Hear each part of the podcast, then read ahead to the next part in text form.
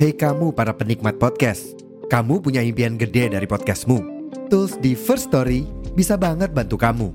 Mulai dari F-Link, Dynamic Audio Insertion, sampai statistik yang komprehensif, semua ada di First Story. Gak ketinggalan, kamu bisa monetisasi podcastmu lewat iklan dari First Story Ads yang bisa kasih kamu penghasilan dari setiap place podcastmu. Yuk gabung sekarang dengan klik di firststory.me. Sekali lagi, di firststory.me. Mari kita bawa mimpi podcastingmu menjadi kenyataan. Box to Box Media Network.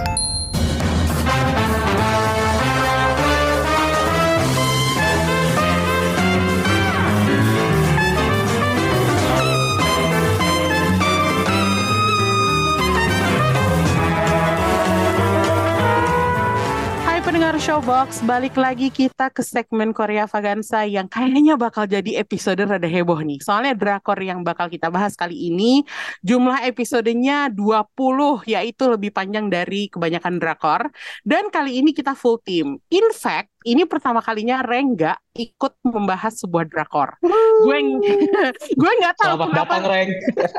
ya, gue nggak tahu kenapa tiba-tiba Rengga nonton drakor, tapi welcome Rengga to Korea Vagansa. Semua akan drakor pada waktunya. Betul betul. Eh, dan kebetulan judul yang mau kita bahas di episode kali ini adalah Moving salah satu judul andalan Disney Plus buat eh, produksi Korea Selatan. Dan sepertinya baru kali ini gue nonton drakor berkualitas di OTT yang ini ya. Sebelumnya Disney Plus sudah punya beberapa original K-drama yang kalau menurut gue masih rada niche. Contohnya Kiss Six Sense itu cuman gue yang nonton. Terus Connect itu lebih selera Krishna daripada selera gue Terus ada Snowdrop, tapi kurang impactful. Jadi baru kali ini nih kita rame-rame semuanya nonton Moving dan ternyata kualitas produksinya bagus banget. Nah, gue tertarik nonton Moving itu karena ada aktor Yoo Seung Ryong di promo-promonya Eh, dan apalagi di trailer yang tersedia di Disney Plus ditampilin bahwa Yoo Seung Ryong itu punya restoran ayam. Jadi gue terus gue ngakak lah ya karena nginget peran dia di Extreme Job yang aduh restoran ayam banget gitu. Gue yakin banget dia di casting di moving ini gara-gara peran dia di Extreme Job. Mana udah gitu di Extreme Job juga si Ru- Ryu Seung Ryong ini meranin polisi yang kayak zombie, nggak bisa mati dan nggak berhenti berhenti Iya juga. bertarung, udah luka kayak gimana pun gitu. Padahal sebenarnya moving itu ceritanya nggak komedi banget gitu. Um, moving itu diangkat dari webcomic tahun 2015 berjudul eh, sama garapan Kang Pul. Nah, Kang Pul ini juga bikin naskah drakornya untuk sutradara Park In-jae em, tentang drama seputar orang-orang berkekuatan super. Yang bikin moving beda adalah ceritanya ini melibatkan dua generasi dan timelinenya sampai 20-an tahun.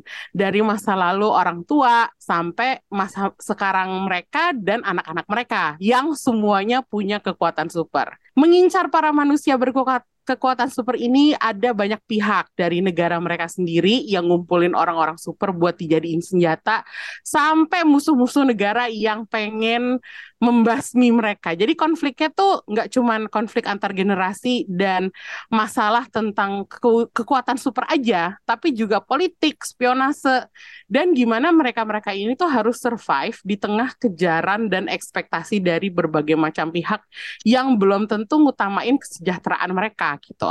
Singkatnya gitu aja sih. Dan kalau kalian pengen tahu lebih lengkap tentang cerita Moving, mendingan nonton sendiri karena panjang banget gitu. Kalau gue cerita doang, ini kita nggak bakalan selesai di satu episode.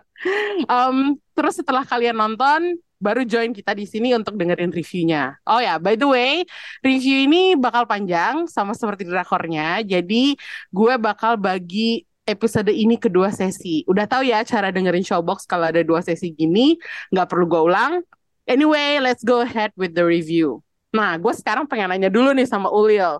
Um, kemarin Ulil sempat bilang bahwa uh, Moving mengingatkan dia sama Uncanny Counter karena sama-sama tentang orang-orang berkekuatan super. Uh, setelah lo tonton Lil, gimana lo Ya. ngebandingin Moving dengan Uncanny Counter? Eh, jauh lebih besar. Jauh lebih besar ya. Aturan moving ada yang bisa menyembuhkan kayak Uncanny Counter udah perfect tuh mereka. Avenger, Avenger juga kalah, udah baik. betul betul. Um, tapi kalau dra dramanya sendiri uh, antara Moving sama Uncanny Counter, mana yang akhirnya jatuhnya lebih seru buat lo? Jatuhnya lebih seru, jujur ke Moving sih, karena mungkin Mm-mm. ini um, strategi durasi kali ya menurutku. Kayak Hmm. Counter kan itu bisa satu jaman ya, kayak Mm-mm. si Moving ini tuh cuman kayak 40 menit gitu, 45. Jadi kayak nggak kerasa di 20 episode itu. Terus mereka tiap kali ending episode tuh selalu kayak, oke gue lanjut. Hmm. Ya. Kalau kalau nggak lanjut kayak penasaran aja, Gantung ya. gantung, sebel. Jadi kayak gue tuh antara pas selesai 20 episode ya antara kayak aturan gue nonton aja pas ongoing sama eh tapi bener sih pilihan gue nonton se 20 20-nya walaupun kayak udah celeng banget ya. Kayak eh saya butuh beli masker mata karena udah mata panda mengejar 20 episode ya. Tapi kayak kalau mungkin gue diikutin waktu ongoing gue akan bete sih gitu. Karena endingnya pasti selalu gantung. Penasaran terus ya. Iya, betul. Tapi eh, lo nggak penasaran waktu lo nonton Uncanny Counter nggak pengen tahu selanjutnya gimana atau lo merasa bahwa pace-nya beda aja gitu, lebih lebih lambat, eh, terus ada ada kesempatan buat lo narik napas dulu waktu nonton Uncanny Counter. Kalau yang pertama sih enggak karena kan dia eh, ceritanya beda-beda ya. Kalau yang Hmm. Lumayan agak menunggu tapi pas udah di akhir-akhir sih. Oh, oke. Ah, Memang ah, ah. season 1 dan season 2 Uncanny Counter itu jauh beda banget ya intinya. Iya, iya, pace-nya beda banget. Jadi kayak eh, waktu yang kedua pun ya udah gitu. Cuman eh, karena mungkin dipuaskan dengan durasi yang cukup lama kali ya di per episode-nya itu. Oh, iya betul. Panjang sih, panjang. Panjang ya kan, capek Mm. gitu. Jadi kayak "Ah, udahlah cukup gitu. Jadi Uncanny Counter itu season 2 episodenya lebih pendek, which is 12 episode doang, tapi masing-masing durasinya itu lebih dari sejam gitu. Jadi berbanding lah dengan moving yang 20 episode, tapi masing-masing episodenya pendek-pendek gitu. Jadi kalau harus ngebandingin mereka berdua ya agak susah karena sebenarnya beda aja gitu. Kalau menurut gue malah moving itu lebih cocok dibandingin sama Kingdom. Ini genrenya beda, tapi eh, adaptasi Kingdom itu dibikin juga ditulis sama penulis webkomiknya Kim Eun Hee. Dan Moving adaptasinya juga naskahnya ditulis sama penulis webkomiknya, which is Kang Pul gitu. Jadi gue merasa ini Sutradaranya juga sama. Maksudnya sutradaranya Kim In, iya si Iya. apa eh siapa tuh namanya Park In Jae, iya dia juga Ah. nyutradarain si Kingdom kan. Jadi Hmm, Gua 2. jadi gue merasa kayak mereka itu lebih mirip gitu dan hasilnya wah ternyata Korea itu hebat ya bisa materi asli dikerjain naskah adaptasinya sama orang yang sama ternyata hasilnya juga lebih bagus gitu daripada kalau dikerjain sama orang lain. Gue mikir kenapa Hollywood nggak bisa gitu ya kayak apa eh ini ngebuktiin bahwa industri hiburan di Korea tuh kayak udah tahu nih udah dapet caranya buat bikin adaptasi yang efisien dari materi-materi asli yang mereka punya gitu. Apa pun itulah maksudnya mau manhwa atau eh, apa eh, webcomic. Anyway, semuanya tuh kayak adaptasinya pas gitu. Jadi gue merasa banyak banget kan yang udah diadaptasi dan biasanya hasilnya emang nggak mengecewakan gitu loh. Jadi ya kalau gue mau bandingin ya gue bandinginnya ke Kingdom sih. Gue nggak tahu Krisna sama Rengga apakah punya perbandingan sama judul-judul lain buat moving? Hmm, istimewa sih moving. Gua nggak bisa bandingin ke lo ke drakor lain. Oh wow, oke. Kalau Rengga Maksudnya mau di- dengan genre ini ya, dengan genre yang sama ya. Hmm, ya ya. Agak Maksudnya susah. action superhero gitu ya? Iya, ya. Hmm. Oke. Tapi kalau soal superhero-nya nih, Rengga kan punya banyak referensi nih di dunia barat. Eh, lo bisa membandingkan moving dengan suatu judul lain? Waduh, apa ya? Ya tapi menarik sih tadi sebenarnya ketika lo menyebut-nyebut Kingdom. Karena dan dan dan apa namanya kesamaannya banyak ya. Kayak ini sama-sama dari webtoon juga. Terus tadi ada Park In Jae juga. Mm-mm. Dan ini dua-duanya dua drakor yang gue tonton. Cuma dua ini. Lo emang bukan penonton drakor, sekalinya kena drakor dapet yang Park In Jae ya? Iya betul. Oke. Kebetulan. Baik. Eh, kalau pertama kali sebenarnya gue nonton film eh eh film lagi serial ini tuh sangat mengingatkan gue kan Heroes ya. Oh, Heroes Oh ya. iya, betul Ya, betul betul. eh, kan ini kayak wah nih mirip banget nih kayak kayak apa people people with superpower in everyday life gitu kan. Kayak wah heroes banget nih. Tapi gitu gua tonton-tonton kayak treatmentnya jauh lebih bagus di sini sih daripada di Heroes ya. Oh, kenapa? Karena lebih ceritanya lebih lurus, lebih straightforward. Karena kalau Heroes, gue inget nonton tuh frustrasi banget karena kayak nggak ketemu ujungnya gitu loh. Eh, kalau Heroes tuh sebenarnya kayak mereka tuh lebih lebih apa ya? Dari awal udah dibuat kayak ini tuh sebuah misteri besar gitu loh. Kalau di Hmm, sini kayak ngalir aja sebenarnya gitu. Satu-satunya misteri di sini adalah si Frank ini siapa gitu. ya. Itu aja kan sebenarnya. Tapi kalau di Heroes tuh kayak seakan-akan eh, terus pindah-pindah kan. Karakternya banyak gitu. Kalau Heroes tuh ini ada kekuatan ini udah di- udah dibeberin dari awal gitu. Jadi kayak emang ada suatu misteri besar lah di balik di balik orang-orang berkekuatan itu. Kalau di sini Hmm, kan benar-benar kita coba dikasih lihat kayak slice of life mereka gitu. Jadi ya. kayak lebih Ya, apa ya, lebih dekat dengan kehidupan kita aja. Jadi lebih lebih apa ya, lebih lebih apa ya, lebih nyaman buat gue sih nontonnya kayak oh ternyata ini kalau orang punya kekuatan super di dunia nyata kayak gini ya gitu. Terus Hmm, terus itu apa juga mm, apa perlakuan orang-orangnya? Bukan perlakuan sih kayak apa ya treatment orang-orang berkekuatannya gitu. Kayak misalkan si Kim Dusik gitu. Hmm, dia bisa terbang gitu kan. Tapi hmm. siapa ya siapa yang bisa ngira lu terbangnya kayak 10 cm di atas tanah gitu cepet banget gitu. Itu keren banget buat gua Oh, jadi kayak The Flash gitu malah iya ya. kayak kayak The Flash gitu lu apa terbang gitu 10 cm di atas tanah sambil nembak-nembak pu pu pu pu wah itu gila banget sih terus hmm. apa muter-muter di antara tiang-tiang gitu kayak Wah, itu keren sih. mikirin itu gitu iya Iya. kayak Barat cuma bisa mikirin Superman terbang di atas gitu nggak bisa mikirin Superman terbang di jalanan gitu nggak bisa Bisa nyari anak lagi di awan. Coba. Hmm, ngalahin Sung Gokong nggak lo tuh? iya Ya kan? Wah, berarti emang eh, penggambaran depiction tentang superpowersnya juga agak beda ya dari cara Barat menampilkan kekuatan-kekuatan super yang lama-lama kalau dipikir gitu-gitu aja ya nggak sih? iya kayak Ini lebih terlalu kreatif sih. betul Barat tuh terlalu kayak super power gitu kalau di sini kayak super power tuh lebih lebih lebih luas gitu lebih bisa ke mana-mana gitu Hmm, oke. Menarik juga sih analisanya dibandingin sama Heroes. Gue jadi teringat waktu gue nonton Heroes zaman dulu, gue selalu menantikan, I just kept waiting gitu for something to happen. Dan that something didn't happen. Bahkan setelah melalui satu season pun kayak ya udah apa gitu, nggak Iya. jelas juntrungannya aja gitu. Itu kalau ngomongin Heroes, gue juga jadi keinget sebenarnya itu problem yang eh, gue menggambar apa secara lebih luas lagi itu yang membuat gue jauh bisa lebih menikmati drakor dibanding eh, series barat. Karena ya itu kalau kayak Heroes kan kayak emang plannya udah berseason-season gitu kan. Terus dibikin bahkan season satunya aja kayak ini ke mana? gitu. Kayak belum jelas mau ke mana. Terus akhirnya kok karena dibikin panjang jadinya konsistensi karakternya juga terganggu kan. Jadi banyak yang eh, di season satu sebenarnya udah ke build-nya kayak gini karena terus kepanjangan akhirnya terpaksa harus berubah lagi atau gimana gitu. Sementara di sini kan udah kayak plannya udah lebih jelas gitu kan. Oke ini season 1 segini aja eh, nggak tahu bakal ada season selanjutnya atau enggak tapi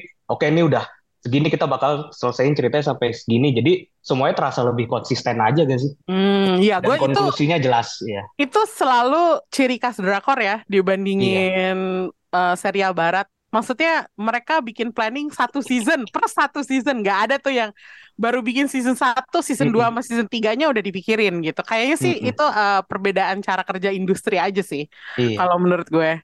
Um, tapi sebelum kita lanjut lebih jauh lagi, gue pengen tahu apakah lo punya ekspektasi tertentu sebelum atau pada saat lo mulai nonton Moving. Dari judulnya, trailernya, atau promo-promo lainnya, apakah lo menyangka ceritanya bakal jad- terjadi seperti ini gitu? Eh, gue lumayan sesuai ekspektasi sih sebenarnya.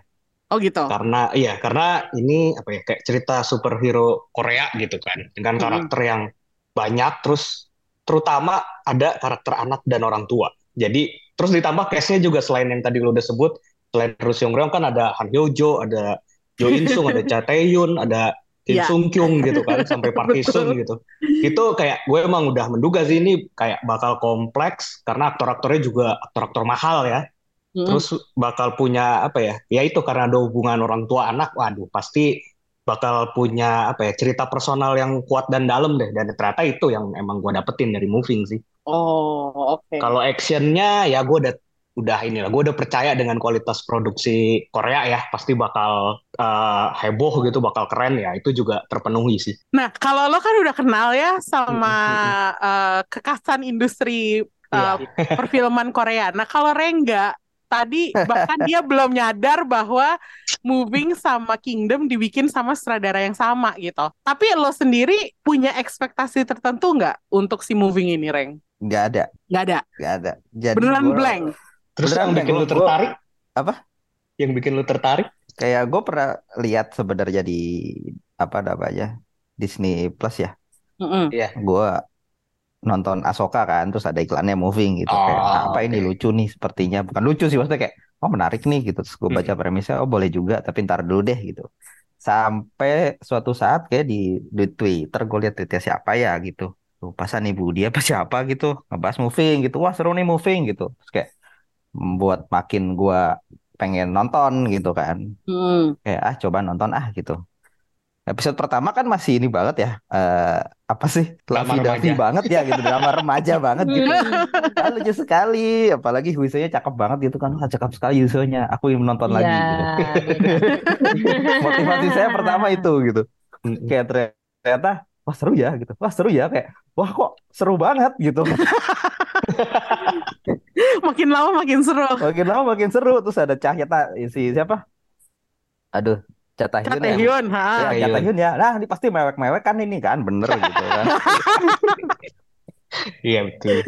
Oh, oke. Berarti eh, ini lo sebenarnya nggak tahu sama sekali ya tentang apa ya, kayak para pemain di industrinya tuh siapa. Eh, tahu beberapa doang sih, tapi gue nggak tahu yang lain ya kayak misalkan si siapa So Insang gitu kan. Oh, ya ya ya. Tahu itu kayak soalnya ada satu temannya Bunga yang emang sangat menggemari dia dari zaman kuliah gitu, jadi gue tahu gitu. Terus ganteng Hmm. banget kan, jadi kayak oh iya Iya. So Insang gitu. Mahal dia. Mahal gitu kan. Parah, mahal. Iya. Makanya ya episode terbatas ya dia. Karena mahal. Bayarnya per scene. Oh Anjir, iya. serius, Chris? Persin, Kak. Iya, gue pernah baca dia bayarannya per scene. Astaga.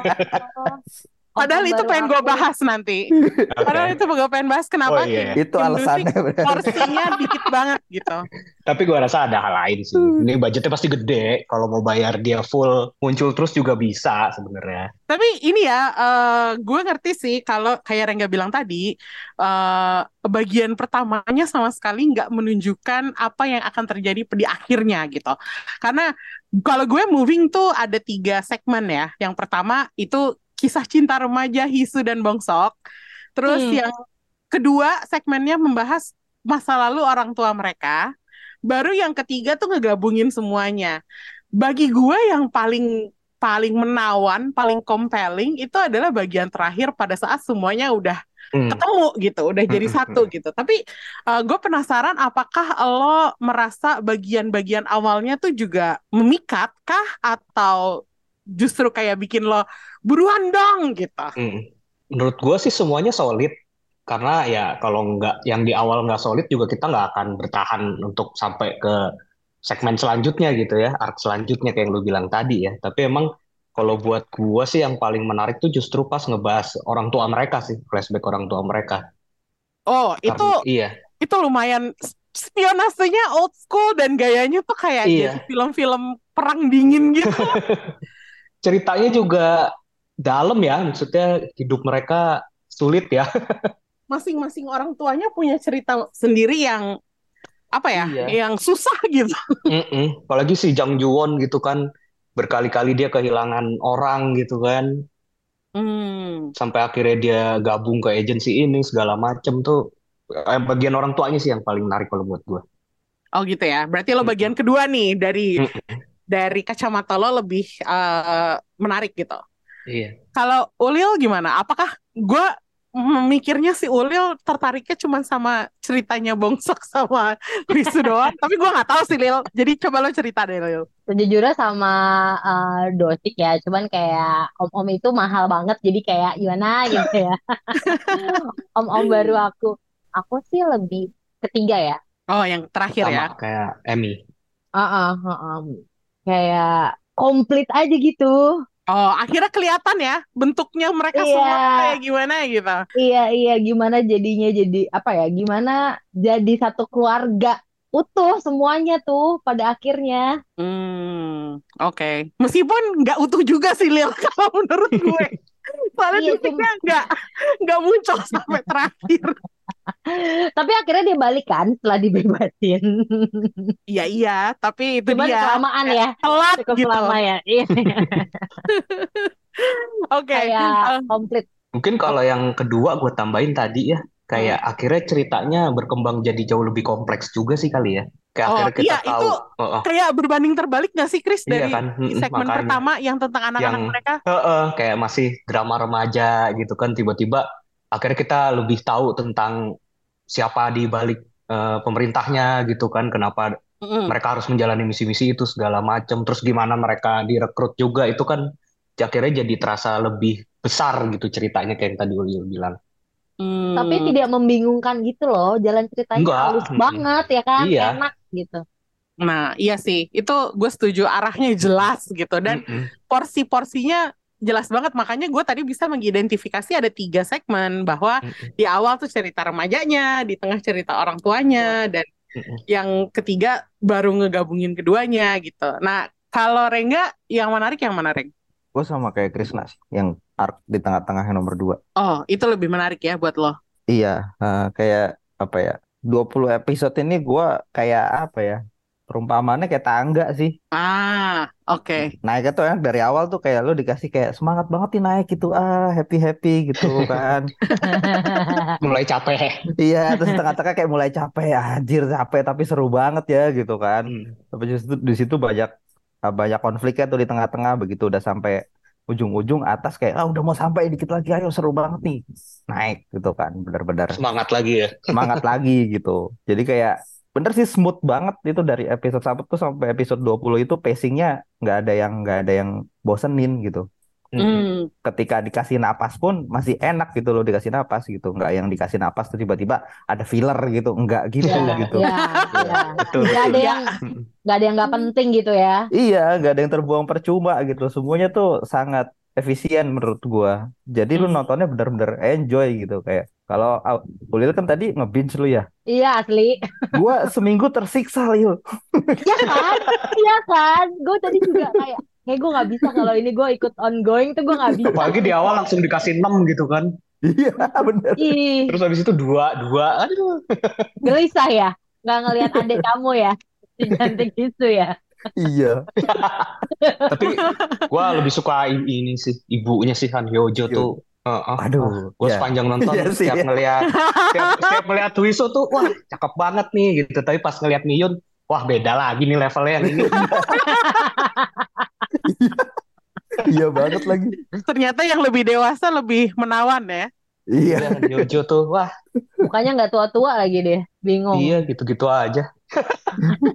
Eh, tapi guys, gue ada ada kritikan nih terhadap orang tua orang tua di Korea Selatan ini ya. Ah, ah, ah. Maksudnya dari awalnya ya waktu ngelihat anak-anaknya yang dominan itu, eh, itu kan sebenarnya sweet gitu ngelihat love Iya. story antara Wisu dan Bongsok berkembang. Ya. Tapi pada akhirnya anak-anak ini tuh lebih banyak begonya. Karena mereka nggak tahu apa-apa dan karena mereka dilindungin sama orang tua mereka, nggak dikasih tahu eh, apa yang sedang terjadi dan gimana cara make kekuatan mereka demi apa ya melindungi diri atau melindungi orang lain gitu. Iya. Menurut lo apakah seharusnya mereka tuh diajarin aja dengan lebih jelas dan dikasih tahu aja dari awal supaya ready gitu, dilatih lah. Tapi ini malah mereka kan dibawa kabur dan kekuatan mereka bukannya dikembangin malah diredam. Contohnya kayak kasusnya Mihyun yang anaknya nggak boleh terbang jadi tiap hari disuruh bawa tas Digendong berat terus. banget. Ribet banget ya. Itu asli gue kasihan banget sama anaknya gitu. Jadi dan akhirnya rahasia kebongkar mereka. Rahasia mereka juga kebongkar karena mereka nggak bisa nahan diri anak-anak ini gitu. Iya. Ya, ya, ya. Lo setuju gak sih dengan cara parenting orang tua anak-anak Eh. super ini? Kalau gue enggak ya. Kalau gue menurut gue enggak gitu. Hmm. Mungkin Tapi- ya mungkin lo ada Ah, oke. benernya sih. Ah, ya, kenapa ya? Silakan Kristen dulu. Iya. Gimana ya? Ya mungkin lo ada benernya sih harusnya dijelasin begitu mereka remaja terus dikembangin diam-diam gitu kan. Tapi mungkin ya ada kekhawatiran karena ya masih remaja kan, takutnya malah apa ya, kayak tergoda make kekuatannya atau nggak bener gitu, atau kayak si eh, siapa? Gue lupa namanya. Sebentar gue cek dulu. Kayak si Gang Hun gitu kan. Ganghun. Hmm.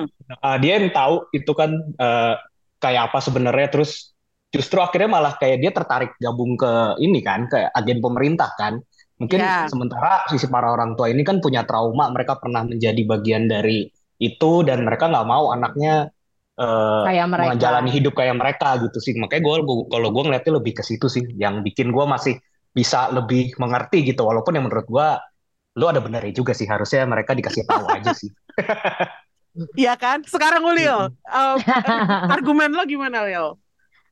Sebenarnya gue setuju sama Emmy, kayak karena mereka punya kekuatan yang orang lain gak punya gitu kan.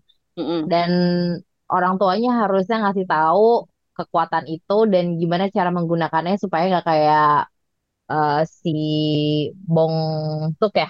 Ya, Bongsok. Ya, Bong. Suk di saat dia lagi emergency dia nggak tahu dia harus apa gitu kan. iya betul hingga pada akhirnya dia harus otodidak. Tapi di satu sisi itu kalau jadi orang tua adalah relate gitu loh, kayak overprotective pasti kan. Bener-bener Hmm, mau iya. ngejagain anaknya supaya nggak kenapa-napa, yang kayak bungsuk juga di kamarnya dikasih apa tuh peredam, apa sih? Iya, kayak karpet gitu supaya dia nggak kepentur, Kepentok. macam. kepentok. Iya, tapi ya sebenarnya salah sih. Jadi dia nggak dia nggak punya apa ya? eh tidak punya self defense sendiri gitu kalau gue kayak gini gue harus gimana kalau gue ini tuh harus gimana gitu sedangkan kalau kayak Hisu sama Gongun kan dia pada akhirnya mereka mengetahui secara tidak langsung kan karena kejadian Iya. hidupnya yang satu karena kecelakaan yang satu karena ngelihat bapaknya kurang jadi kayak "Ah, tapi bapak gue super gitu Iya. Nah, makanya itu dia gue merasa harusnya dikasih tahu aja. Maksudnya gue ngerti sih pengen ngelindungin anak dan mereka punya trauma masa lalu dengan pemerintah yang gak merhatiin mereka lah mereka Iya, gitu ya intinya mereka juga ditindas kan sama pemerintah Iya, gitu. Ya gue tahu sih, tapi gue kok merasa harusnya lebih aman aja kalau anak-anak ini tuh dipersiapkan gitu. Kayak contohnya pas mereka udah kedatangan tentara Korea Utara di akhirnya itu gue stres banget ngeliatin Bongsok di apa ya kayak tikus dimain-mainin sama kucing gitu intinya kayak nggak bisa apa-apa nggak berdaya gitu gue makanya gue aduh ini orang-orang tua ini kenapa harus sibuk ngelindungin anaknya sih latihan aja latihan secara diam Harusnya kayak ini, kayak Naju. Anaknya dibikin ini, pura-pura mati. oh iya betul oh Iya, itu yang, beneran yang ya bisa ngelihat tembus pandang itu kan. tembus pandang Mm-mm. Tapi aku tetap menganggap dia itu mati pura-pura loh mati Pri. ya Enggak, itu kayak pura-pura deh. Kan pas di Naju eh, di mak- bilang mati, dia sakit ya di pemakamannya si- ada si anaknya itu.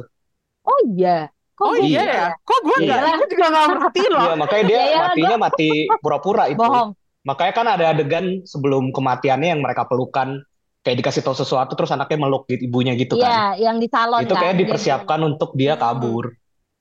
oh Oke, berarti masih ada satu lagi nih ya yang belum ke ini, belum kedeteksi gitu intinya. Kayaknya uh, season 2 kayak dia bikin kayak Xavier School ya. Ngeluarin X-Men. kan udah ketahuan tuh semua kekuatannya. Nah, nih sekarang dari orang yang udah punya anak nih, kayak Rengga, lo Hmm. lo lebih setuju sama yang mana, Reng? Seperti yang ada di Waduh, uh, waduh, waduh. dramanya atau menurut lo harusnya mereka dipersiapkan aja gitu?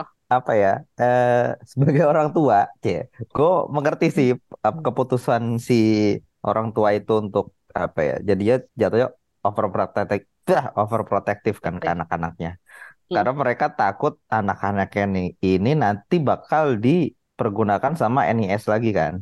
Mm. Hmm. Tahu-tahu mereka tiba-tiba diculik, habis itu dijadiin ini lagi kan, agen lagi. Agen lagi. Jadi gue bisa mengerti sih kenapa mereka seperti itu. Tapi juga gue bisa mengerti sudut pandang Emi. Kenapa nggak dikasih, diajarin aja sih kekuatannya gitu. Mungkin perlu kalau mereka udah 17 tahun. Jadi kayak KTP gitu loh. Udah Nih, dewasa. kamu sudah dewasa, kamu punya kekuatan ini Betul gitu. juga sih. Jadi bisa lebih lebih apa ya? Lebih lebih Bijak.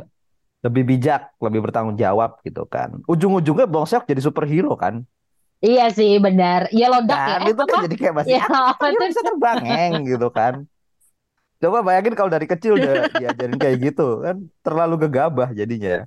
Mungkin Iya. itu sih pertimbangannya. Hmm. Kalau gua mikirnya seperti itu gitu. Walaupun akhirnya mereka tahu sendiri tanpa dikasih tahu kan. Iya. Bongsek juga taunya juga nggak sengaja. Eh bukan nggak sengaja sih. Dia udah tahu tapi Kalau Bongsok udah tahu. boleh dipakai kan. Heeh. Udah gitu Wiso yang sekolahnya nggak sengaja. Sekolahnya juga nggak nggak kayak nggak bertanggung jawab gitu loh. Udah tahu ada anak-anak berkekuatan super, bukannya kayak iya kayak si Charles Xavier aja gitu. Bukannya yang- Karena emang sengaja kan biar mereka nggak tahu kalau sekolah itu tahu kan.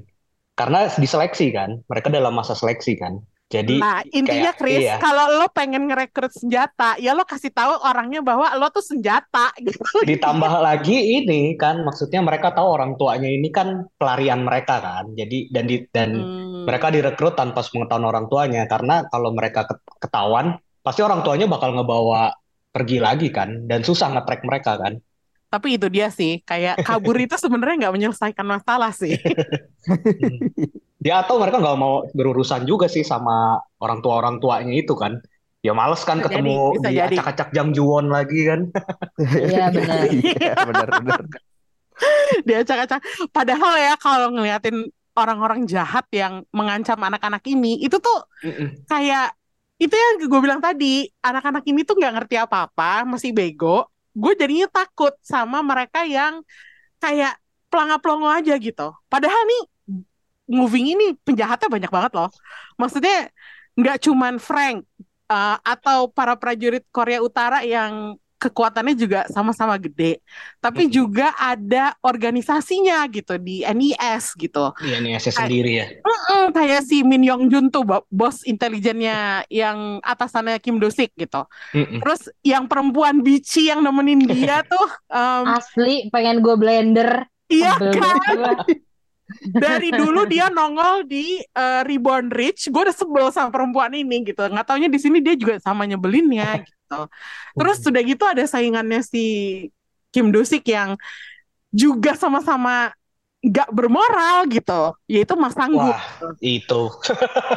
Nah, kan, Iya, iya. maksudnya lo tahu ancamannya segede apa gitu. Nah, sekarang dengan ini menurut gue, menurut lo kekuatan super mereka bukan kekuatan super, kekuatan evilnya orang-orang ini terlalu gede kah buat semua anggota karakter moving yang lain-lain gitu atau gimana sih? Ah, ya cerita kayak gini menurut gue sih jelas butuh villain yang solid juga ya buat nandingin kekerenannya gitu kan. Hmm. eh apa ya ya ya jadinya maksudnya kan ini sikap jagoan-jagoan kita nih si hero-nya kan punya kekuatan yang super banget kan kayak Jang Mm. Juwon gitu kan segala macam ya tentu butuh apa ya orang-orang yang evilnya tuh juga pinter gitu kan kayak si petinggi-petinggi NIS ini kan. Jadi kita tetap ada terasa ancamannya gitu. Karena kalau enggak jadinya kayak kurang mengancam aja sih men- men- menurut gua. Bahkan kayak yang para Korea Utaranya bahkan dibikin simpatik banget justru kan. Nah, iya sih. Tapi kan pada pada saat kita menonton episode-episode awal sampai Mm-mm. episode belasan itu kan kita nggak tahu, Chris. Yang kita tahu adalah Korea Utara juga Iya mempersiapkan uh, prajurit-prajurit super yang kok ancamannya sih, terasa itu- gede banget gitu. Iya, kalau menurut gue itu sih yang dibutuhkan buat intensitas ceritanya sendiri gitu kan dengan dengan apa ya villain yang evil banget jadinya ya nggak nggak nggak butuh apa ya nggak cuman butuh kekuatan gede doang nih buat menghindari mereka atau mengalahkan mereka gitu dan Hmm. mereka punya source yang gede karena mereka pemerintah gitu kan itu sih Oke. jadi dibutuhin sih menurut gue harus sekuat itu gitu By the way, Rengga, ini apakah uh, mirip kasusnya sama kalau ada satu film superhero kebanyakan villainnya jadi hero-nya tenggelam gitu? Nggak gitu kan? Enggak gitu sih. Enggak. Kerennya di sini nggak gitu sih. Hmm. Iya, tapi kalau lo membahas tadi kenapa apa kayak villainnya terasa kuat banget gitu. Mm. Kan kalau ngebahas NIS ya, Mm-mm.